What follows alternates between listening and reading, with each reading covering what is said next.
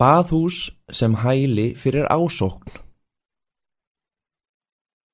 Það hvað vera reynd við bogabrúna í Hangzhou. Þar á að vera krökt af alls konar forennjum sem hafa í frammi hrekki við vegfærendur. Fyrir austan brúna er baðhús með heitu vatni og er það opið allan sólarhingin.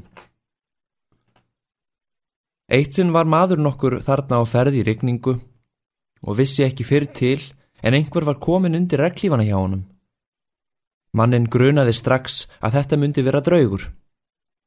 Þegar þeir fóru yfir brúna sætti maðurinn lægi, hrindi hinn um nýkomna út í ána og tók stíðan til fótana. Hann sá ljósið í baðhúsinu og forðaði sér þangað. Skömmu síðar kom holdvotur maður í gættina og sagði sínar farir ekki slettar. Draugur með reglíf hrindi mér í ána svo að ég var nærri drauknaður, sagði hann. Mennirnir tóku nú tal saman og greittist þá úr miskilningnum. Annar maður var á ferli á þessum slóðum í dimviðri og regningu. Hann heyrði fótatakað baki sér, leitum öksl og sá þá risastóran haus á tveggja fjata búk. Maðurinn varð skelvingu lostinn, hljópað baðhúsinu og inn en áður en húnum gafst ráðrum til að loka á eftir sér tróðust sá haustóri í gættina og var næstu búin að ræða ornum líftóruna.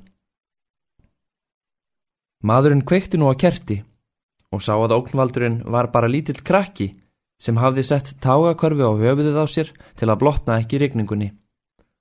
Krakkin var líka draugarhættur og hafði því eldmannin eins og skuggi. Ef þessir fjórir hefðu haldið hver sína leið án þess að komast til botts í því sem fyrir þá bar, væru þeir efalestu vissir um að hafa séð draug. Þeir sem telja sig sjá drauga nú á dögum ættu því að láta sér skiljast að það er ekkert að óttast.